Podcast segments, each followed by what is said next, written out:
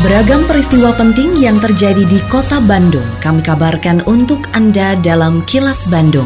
Diproduksi oleh LPS PR SSNI Bandung bekerja sama dengan Humas Pemkot Bandung yang disiarkan serentak oleh 40 radio anggota PR SSNI Bandung. Sejumlah informasi aktual kami hadirkan untuk Anda dan inilah informasi utamanya.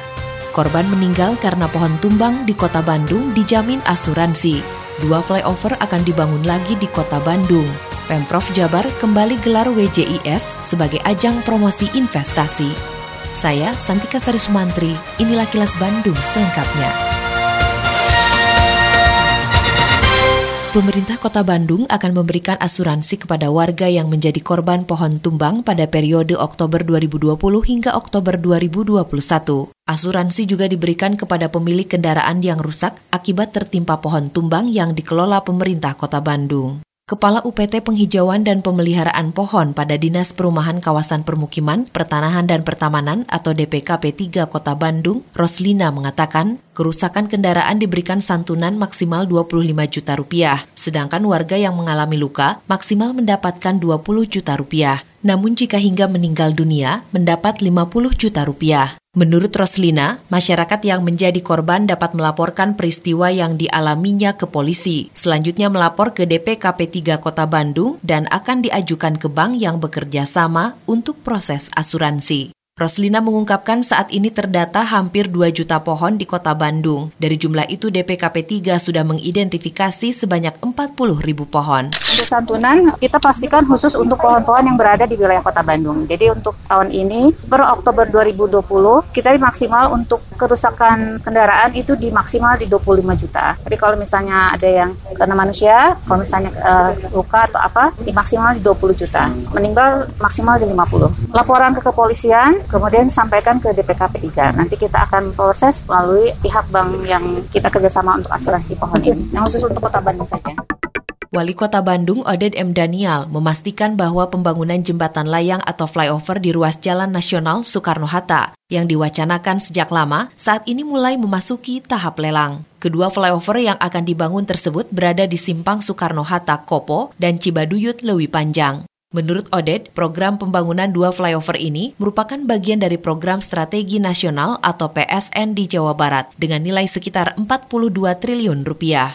Oded berharap pembangunan kedua flyover dapat segera terlaksana dan meminta warga bersabar jika pembangunannya menimbulkan kemacetan lalu lintas. Ada hal yang menggembirakan buat ada juga. Informasi dari teman-teman provinsi juga PU provinsi dan mau ada juga ngecek ke PU Pera ya kementerian. Katanya insya Allah sekarang ini sedang dalam posisi lelang ya untuk pembangunan flyover di Soekarno Hatta yang melintasi Jalan Kopo Soekarno Hatta dan Jalan Cibaduyut lebih panjang Soekarno Hatta kalau nggak salah mau ada lihat di dalam rencana PSN itu Program Nasional yang tadi saya sampaikan 42 triliun itu jumlahnya. Salah satunya adalah playover yang ada di Kopi.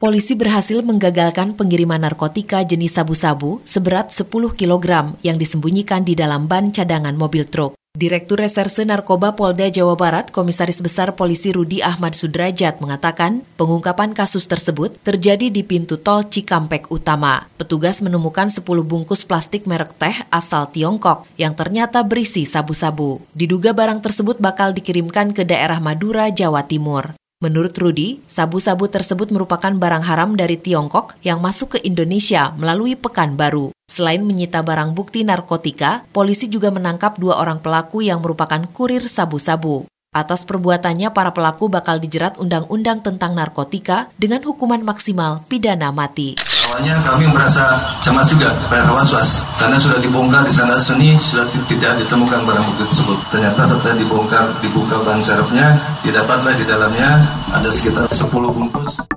Pemerintah Provinsi Jawa Barat kembali menggelar West Java Investment Summit atau WJIS yang berlangsung selama empat hari mulai 16 sampai 19 November 2020 mendatang. Kepala Dinas Penanaman Modal dan Pelayanan Terpadu Satu Pintu Jawa Barat, Noneng Komara, mengatakan WJIS merupakan ajang tahunan dalam mempromosikan investasi di Jawa Barat. Menurut Noneng, Jawa Barat menempati urutan pertama destinasi yang paling banyak diminati investor. Dengan nilai realisasi investasi hingga triwulan ketiga tahun 2020 mencapai 86,3 triliun rupiah. WJIS tahun ini akan berlangsung dalam dua sesi, yaitu online dan kunjungan lapangan ke sejumlah investasi di Jawa Barat. Di hari ketiga WJIS itu groundbreaking Subang Smart Politan juga merupakan rangkaian dari WJIS karena nanti ada juga branding e, rebana di sana. Kemudian di hari keempatnya site visit ke rebananya karena tahun ini rebana menjadi highlight dari WJIS kita Hari keempat kita akan site visit dari mulai Kertajati sampai ke Subang yang nanti ada groundbreaking juga di sana pembangunan hotel yang dilakukan di Aerocity ya.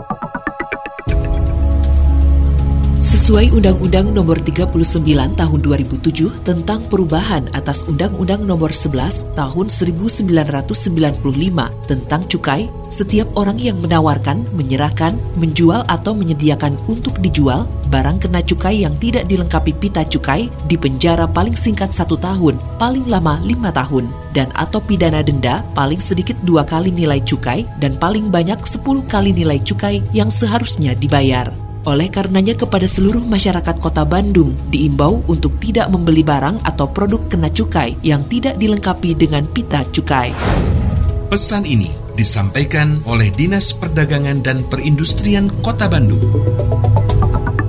Kota Bandung sedang mempersiapkan pengolahan sampah melalui teknologi RDF atau mengubah sampah menjadi energi bahan bakar. Direktur Umum PD Kebersihan Kota Bandung, Gun Gun Saptari mengatakan pihaknya sedang melakukan detail engineering design atau DED untuk penerapan teknologi tersebut. Menurut Gun Gun, dalam penerapan teknologinya, PD Kebersihan Kota Bandung bekerja sama dengan Indonesia Power sebagai anak perusahaan PLN yang akan memanfaatkan hasil dari pengolahan sampah tersebut.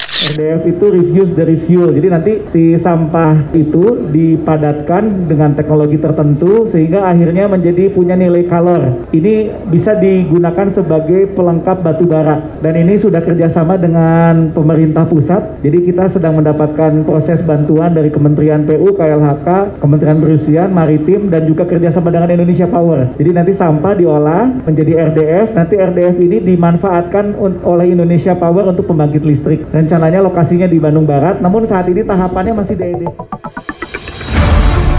Kini audio podcast siaran Kilas Bandung dan berbagai informasi menarik lainnya bisa Anda akses di laman kilasbandungnews.com.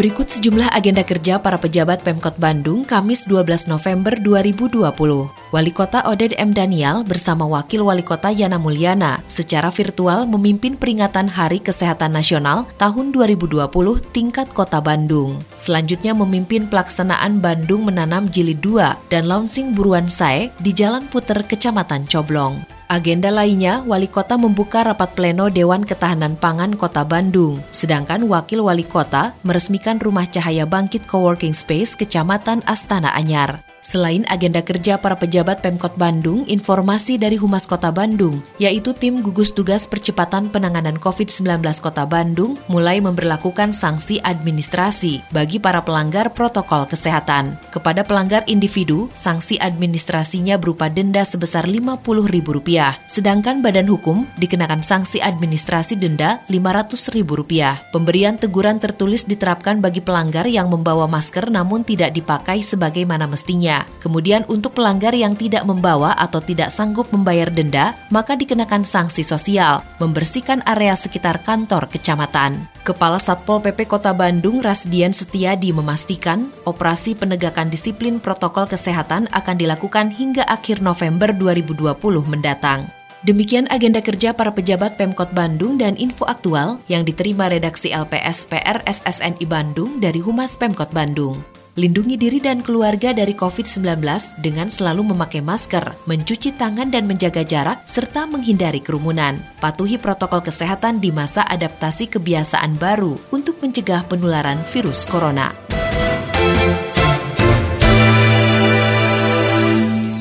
Terima kasih Anda telah menyimak Kilas Bandung bekerja sama dengan Humas Pemerintah Kota Bandung yang diproduksi oleh LPSPR SSNI Bandung.